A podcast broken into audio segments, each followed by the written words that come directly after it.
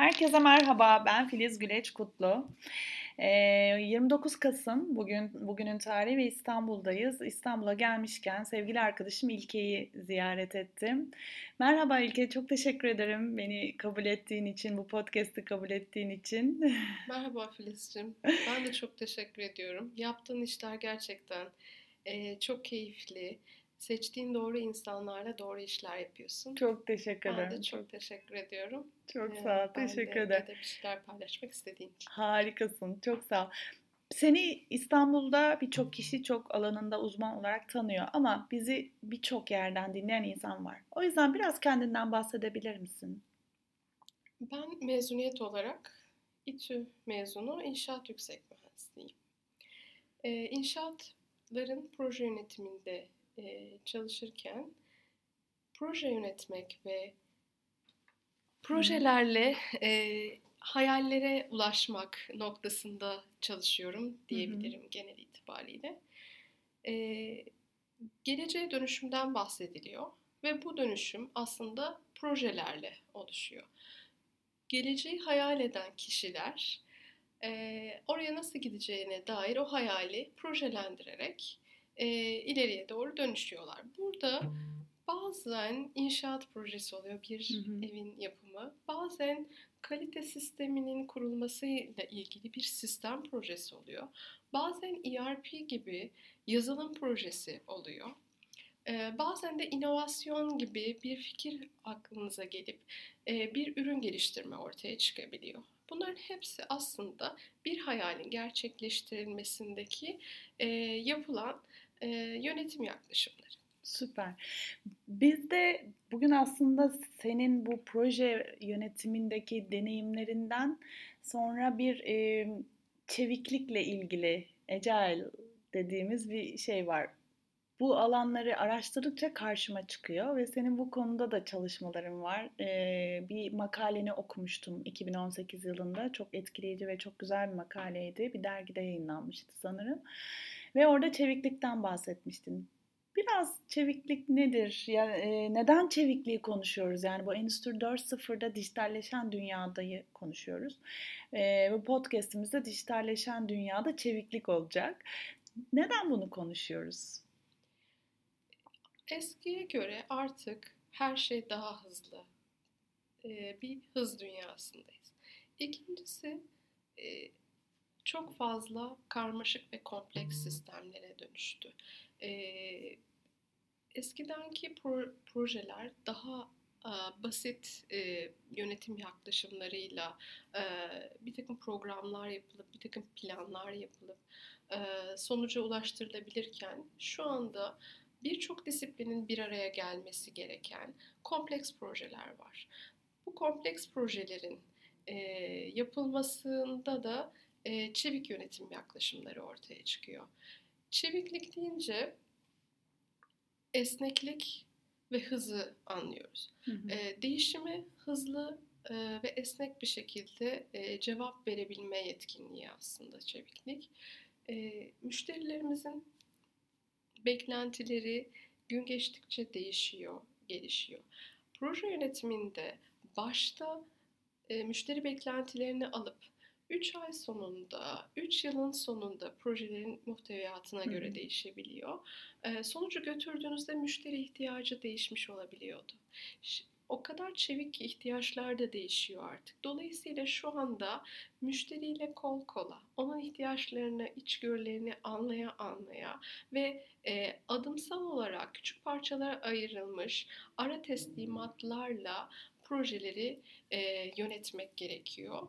E, beta fazı dediğimiz bir fazda yaşıyoruz. Yani e, her şeyin tam olarak bitmiş olmadığı, ara ürünler ve e, müşteriye daha erken temas edip onun pazardaki karşılığını hızlı almak ve e, sonucu bu edindiğimiz tecrübelerle e, farklılaştırabilmek, yöntemlere o esnekliği sağlayabilmek, işte o değişime, e, farklı ihtiyaçlara hızlı cevap verebilme yetkinliğini e, hayata döküp projelerimizi müşterilerimizin ihtiyaçlarını daha net karşılayacak şekilde oluşturmayı sağlıyoruz. Aslında çok güzel bir noktaya değindin. Hep diyoruz ki artık şirketlerin e, ya da organizasyonların bütününü ele alalım. Organizasyonların böyle bir organizasyon şeması tepeden aşağıya inen değil de proje bazlı çalışmalar yapılması gerektiğinden hep bahsederiz.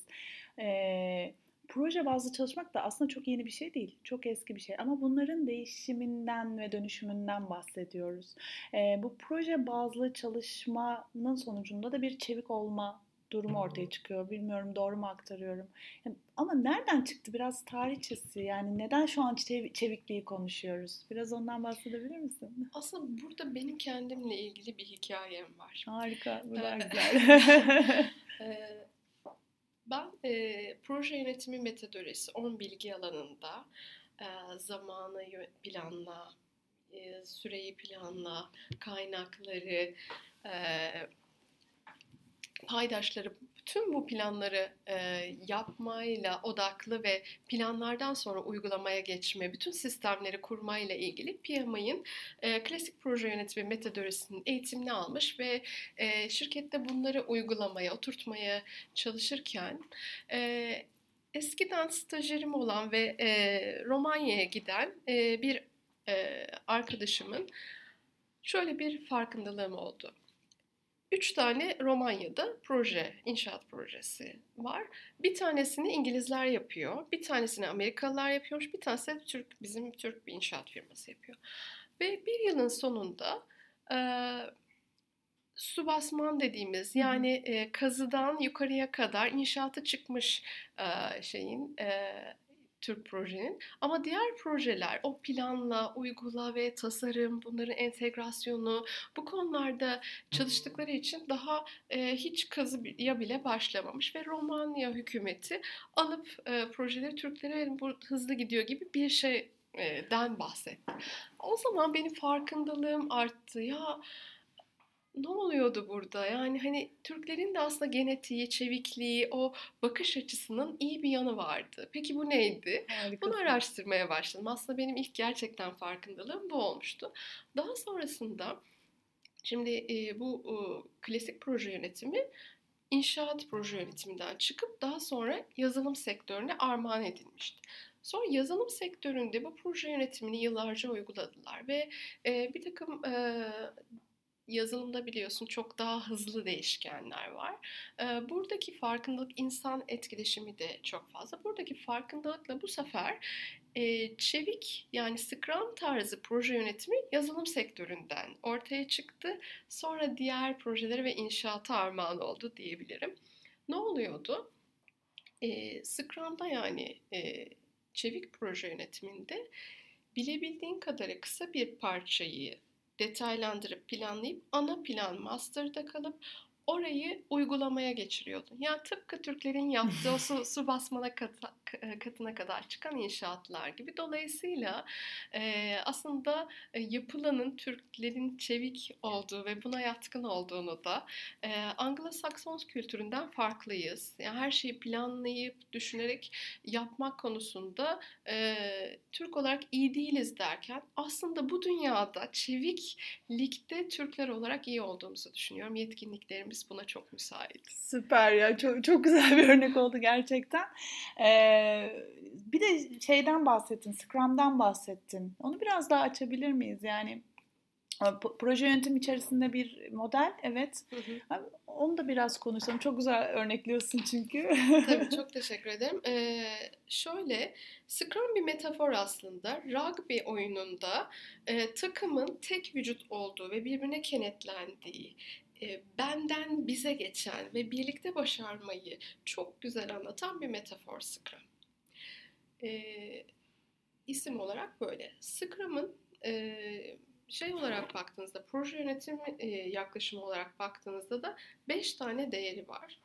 Cesaret, odaklanma, taahhüt, e, saygı ve açıklık.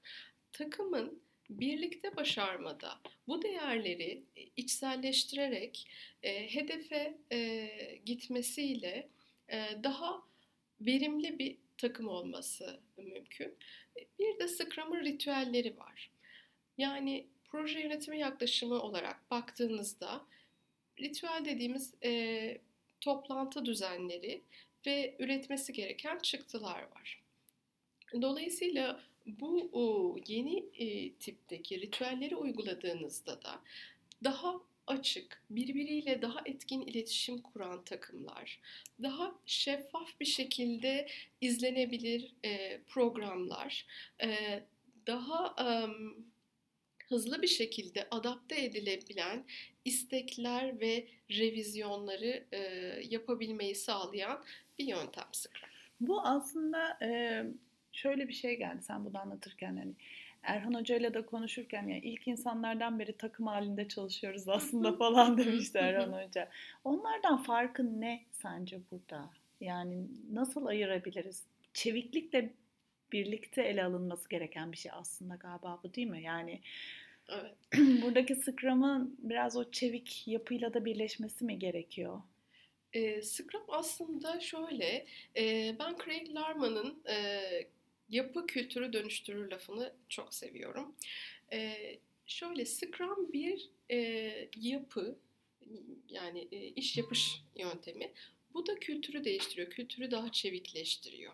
Daha esnekliğe açık hale getiriyor. Takımların birlikte çalışmasını sağlıyor. Az önce bahsettiğin e, hiyerarşik düzenden daha holokrasi dediğimiz takımların birlikte çalışması, organizasyonel yapısına dönüştüren bir e, hali de var. E, tüm bunları konuşurken bütünde de e, şeyi ifade etme ihtiyacı duyuyorum proje yönetim yaklaşımları birbirine göre bu iyidir, bu daha kötüdür diye bir şey yok. Klasik proje yönetiminin inanılmaz faydalı ve kesinlikle kullanılması gereken doğru proje yerleri de var. Scrum'da bir yöntem, Kanban vesaire gibi birçok farklı proje yönetimi metodolojisi var. Burada en önemli olan şey ihtiyacı analiz edip o yönetimi hangisinin daha uygun olduğunu e, içselleştirebilmek önemli diye düşünüyorum. Evet. E, ben e, risk olarak eğitim ihtiyaç analizi yapılması gerektiğini ve bunun üzerine eğitimlerin planlanması gerektiğini düşünüyorum. Bu yapılar, kurumlar için de aynı şey. Doğru analiz yapılmadan doğru çözümler sunulamıyor değil mi? Bu, bunu anlıyoruz evet, yani. Evet. Yani bir şeyin şovanisti olmaya gerek yok. Bugün Scrum konuşuyoruz, yarın başka bir şey konuşacağız. İhtiyaç neyi ifade ediyorsa ona doğru bir yaklaşım yapmak gerekiyor. Bir diğer mesela kendi tecrübelerimden bir tanesi. ben inovasyon konusunda da çalışıyorum. orada da bir fikir geliyor ve fikri e, uygulamaya geçirip inovasyona geçirirken orada bir projenin e, yönetilmesi gerekiyor ve bu belirsiz bir projenin yönetilmesi. Yani normal klasik proje yönetiminde daha belirgin hatları vardır. E, inovasyonda ise fikri yapılandırıp e, gerçekten e, ayakları yere basar ve ihtiyacı karşılar bir hale getirmek için orada başka bir yöntem çalışmak gerekiyor. Burada çeşitli inovasyon yönetim tarzlarıyla birlikte Scrum'un da çok güzel kullanımları olduğunu görüyorum. Çünkü belirsiz projeleri yönetmekte bahsettiğim gibi artık e, hayatımız VUCA dünyayı yaşıyoruz ve birçok şey belirsiz. Fikir geldiğinde de hangi müşteriyle buluşacak, e, hangi teknolojiler kullanılacak, hangi paydaşlarla birlikte hareket edilecek bunlara baktığımızda e, değişken çok fazla. E, inovasyon projelerin de yani Scrum yöntemiyle çözüldüğünde faydalı olduğunu keşfettim. Gerçek hayatta gerçekten böyle. İzmir'de yapay zekayı konuştuk geçtiğimiz haftalarda. Ee, Microsoft'tan bir e, konuğumuz vardı. Yapay zeka, yapay zeka diyoruz. Herkes bu, bunu nasıl kullanır? Yani öncelikle bilgilenmeye çalışıyor, farkındalığını arttırmaya çalışıyor. Onun arkasından da bunu nasıl kullanırız diyor. Çok açık bir şey söyledi. Datanız yoksa, büyük datanız yoksa ne yapacaksınız yapay zekayı? Yani gerçekten neye ihtiyacımız var? Sadece moda cümleleri kullanmak değil de gerçekten neye ihtiyacımız var? Bunu bulup buna göre çözümleri uygulamak en sağlıklısı. Bu noktada e, bunları içselleştirmiş e, ve çevik kurum diyebileceğimiz kurumlar ne yapıyorlar? Yani var mı bunlarla ilgili bir tecrüben, aktarabileceğin örnekler ben, ya da düşünceler? Firmaların e, proje portföy yönetimi yapması gerektiğini düşünüyorum geleceğe dönüşürken. Bu geleceğe dönüşmekte gitmek istedikleri yeri tariflediklerinde buraya hangi projelerle gidilebilir bir sürü fikirler alıyor. O fikirleri stratejileriyle uyumlandırıp hangileri kendilerini o yola götürebiliyor. Bunu e, belirledikten sonra bu fikirleri bir proje portföy matrisine koyarak da kısa vadede, uzun vadede hangi projelere odaklanacaklar, hangi ortak kaynakları hangi projelerde kullanacaklar. Dolayısıyla sadece e, klasik proje yönetimi yaklaşımıymış, Scrum'muş bu değil de bir portföyü yönetmek, bir stratejiye hizmet etme e, üst başlığıyla bakılırsa aslında bu dijital dönüşümde çok güzel bir yol haritası oluşturmak ve hem çevik firmaları, kurumları hem de dijitale dönüştürmede e, doğru projelerle hızlı bir şekilde dönüştürmek mümkün. Yani dijitalleşen dünya diyoruz, dijital işte makineler vesaire diyoruz ama yine her şeyi yapacak olan insan. Ve burada temele hala insanı almamız gerekiyor. Seninle birlikte yine İstanbul'daki 3 yıl önceki eğitimde tanışmıştık. Diğer podcastleri çektiğim ekiptendin. Orada da bunları konuşuyorduk değil mi? İnsanın odağına alınması ve o yaratıcı fikirleri nasıl çıkartıp bu VUCA dünyasında insanların nasıl bir lider olabilecekleriyle ilgili bir eğitimdi o. Çok da keyifli bir eğitimdi. E, ve aradan 2016'ydı. 3 yıl geçti. 2020'ye geldik artık. Hala aynı şeyleri söylüyoruz. Ne kadar data yapay zekada desek hala insanı konuşuyoruz. o yüzden e, bu insan insan yani kurumlardaki dönüş, değişim ve dönüşüm sağlayacak şey aslında insan hala da. Hatta liderler. Ama bu liderlik tepedeki bir liderlik değil de proje ekipleri içerisinde dağılmış bir liderlik. Ne diyorsun? Var mı bununla ilgili bir fikrin? Ee, çok güzel bir noktaya değindin. Ee, çevik yaklaşımdaki liderlik yaklaşımı hizmetkar liderlik. Ee, ve takımlar da otonom takımlar. Yani self-organize, kendi kendini organize eden takımlar. E, şirketin stratejisine göre yön belli, belli bir yön veriliyor ama yönün nasıl yapılacağı kendi içerisinde e, farklı yetkinliklerden oluşmuş takımın oraya gitmesinde birlikte başarması ve e, önündeki engelleri kaldırıcı bir lidere ihtiyaç var artık. Yani onlara ne yapması gerektiğini söyleyen bir lidere değil. Burada şöyle bir metafor var. E, oğlumla birlikte çok fazla Hollywood'un e, işte bu şeylerini, Marvel filmlerini çok izliyorum. Şimdi baktığınızda e, o kadar güzel dünyanın gittiği yeri de gösteriyor ki. Şimdi eskiden ne vardı? Superman, ondan sonra işte Örümcek Adam vesaire gibi kahramanlar vardı. Bize bu verildi. Liderler kahramandı. Tek başına her şeyi halledebilirlerdi. Şimdi bahsettiğim Marvel filmlerinde Avengers var. Yani ne? birlikte başaran yıldız takımlardan bahsediyoruz. Dolayısıyla bugün de en büyük yetkinlik herkes kendi konusunda uzman ama başarı birlikte çalışabilmekte. Yıldızların egolarını ceplerine koyarak o birlikte ortak geleceğe gidebilmelerinde. Proje takımı olmak da aslında evet, değil evet, mi? Evet, birlikte başaran hı hı. olumlu yıldız takımlar e, geleceğe bizi taşıyacaklar diye düşünüyorum. Bir noktada söylediğin şeylerden hı hı. şunu da e, ifade etmek istiyorum. Son iki aydır da eğitimde dijitalleşmede dijital, dijital dönüşüm grup müdürü olarak çalışmaya başladım.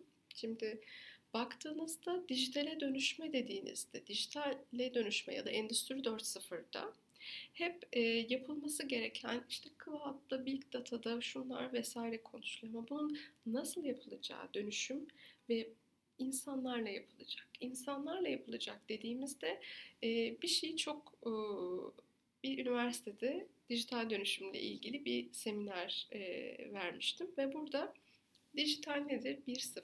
Peki analog nedir? birden 10'a kadar, birden 100'e kadar. Yani e, şey, peki analog kimdir? İnsan. İnsan bir ve sıfır değil. Dolayısıyla insanın her gün veriminin aynı olmaması, motivasyonu, duyguları, dolayısıyla proje yönetimi yaklaşımlarında insana odaklı olarak çevik ve Scrum yaklaşımının e, bu dönemde öne çıkmasının nedeni de o.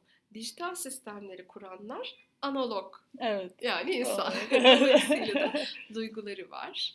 Onların e, zihniyetleri var e, ve e, human touch'a ihtiyaçları var. Dolayısıyla robot gibi e, verimleri, robot gibi beklentilerle değil, daha insani, rolden role, iletişimden insandan insana geçilen bir iletişime geçmek gerektiğini düşünüyorum. Çok teşekkür ederim İlke. Ağzına sağlık. Çok keyifliydi. Ee, çok değerli bilgiler verdin. Sen bunları anlatırken bu son söylediğinde e, yine yapay zekaya e, biraz dokunduracağım. Her şeyi insan yapıyor ve insan odağında diyorsun. Kesinlikle onun her yönüyle ele alınması gerekiyor. E, bütün dünyanın hayatını etkileyen yapay zekayı yapan da insan. O yüzden o kadar doğru ve hassas bir nokta ki o kişi eğer e, nasıl diyeyim çok şey basit kaçacak ama kötülük düşünüyorsa yüklediği yapay zekaya tüm dünyayı etkileyebilecek kötü hamleler yaratabilir. Yani şu anda işte insansız araçlar yapıyoruz. Onları yapan mühendisler. Ee, o mühendisleri yani insan sonuçta ve ona dokunmayan ya da bir öfke patlaması yaşadığında birçok insanı etkiledi. Bundan önceki dünya savaşlarında da aynı şeyler. Biliyoruz bu tarz isimleri, ne kadar insanlığa kötülük yaptıklarını. O yüzden bu bahsettiğin şey yapay zekayı konuşuyor olsak da, yapay zeka bizi yönetiyor olsa da hala insanı konuşuyor olmamız gerekiyor. Yapay zeka kendi kendine öğrenecek vesaire falan onlara geçiyorum. Çok yakın bir gelecek değil bunlar. Yani yapılan çalışmalar bunu gösteriyor. Ve hala insan merkezde olacak.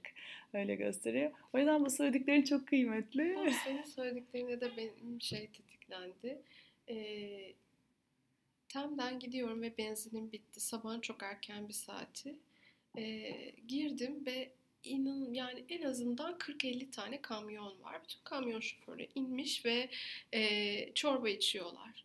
Ya böyle hani duyuyoruz sürücüsüz araçlar ama onu görmek beni o kadar böyle kalbimden tetikledi ki hepsi işsiz kalacak ne olacak evet. diye. Ve bu bana şunu çok net bir şekilde ifade etti dönüşmek durumundayız. İnsanlar olarak bence bu dijital dünyada en büyük e, yetkinlik çevik olarak mesleğimizi de dönüştürmek. Tam olarak bağlantılı evet. olarak. E, podcast'ın başında da söylemiştim. İnşaat mühendisi başladım. Proje yönetimine geçtim. inovasyona geçtim. Çevik derken şu an dijital çalışıyorum. E, bunları bir takım eğitimler alarak e, koçluk da birlikteydik. E, dolayısıyla mesleklerimizi dönüştürmemiz, yeni yetkinlikler kazanmamız gerekiyor diye düşünüyorum. Yeni dünyada e, ayakta kalmak, adapte olabilmek için. E, bu senin söylediğinden en büyük e, örnek tetiklenen... çok güzel bir örnek oldu. Çok teşekkür ederim. Hep bunu anlatacağım. Geleceğin mesleklerinin ne olduğunu bilmediğimiz için sadece geliştirmemiz gereken şey yetkinlik. Ve müthiş bir örnek oldu. E, hala insan odaklı yetkinlik geliştirme ve bunlar devam edecek ve çevik olmak da yeni bir şey olarak eklenmiş oldu. Benim podcast serilerimin içerisinde belki de. Çok teşekkür ederim e, paylaşımların için. Son olarak eklemek istediğin, söylemek istediğin, vermek istediğin bir mesaj var mı dinleyicilerimize? Çok teşekkür ederim. E, ben e, bu söylediğinle e, aslında hiçbir şeyin e, detayını araştırmadan, e, neye ihtiyaç olduğunu teşhis etmeden bir şeye tutunarak gitmemek gerektiğini düşünüyorum. Ya vermek istediğim mesaj bu. İhtiyacı analiz etmek dedin. Hı hı. E, projelerde de ihtiyacı analiz etmek, organizasyonlarda da ihtiyacı analiz etmek. Sonra hedefi çok iyi anlamak. O hedefe nasıl giderim bakarak yöntemleri, insanları, yetkinlikleri ona göre kurgulamak ve bunun üzerinde biraz düşünerek e, hedefe e, gidecek e, yöntemleri seçmek çok önemli diye düşünüyorum. E, ve çevik e, olmak plansız olmak değildir. Değil. Bunu Süper. e, bilmek çok önemli e, diye e, ifade etmek istiyorum. Süper. Çok çok teşekkür ederim. Aslında o kadar çok daha konuşmak istiyorum ki daha çok hani belki bir sonraki podcast'te daha ayrıntılı ya da farklı konuları belki bir sonraki podcast'i bir sene sonra çok başka şeyleri konuşuyor olabiliriz yani hani Doğru. bu söylediklerimiz de çok değişebilir. Ee, bu sohbeti aslında bitirmek istemiyorum ama dinleyicilerimizi de daha fazla yormamak için e, burada sonlandırıyorum. Sana nasıl ulaşabilirler İlke? Yani soruları olacak olursa bununla ilgili sana nasıl ulaşsınlar? LinkedIn'den çok aktif bir şekilde e, rol alıyorum. Okey. Oradan ulaşabilirler. LinkedIn'den ulaşabilirsiniz. Tamam. Çok teşekkür ederim İlke. Ben Görüşmek üzere. ederim. Hoşça kal.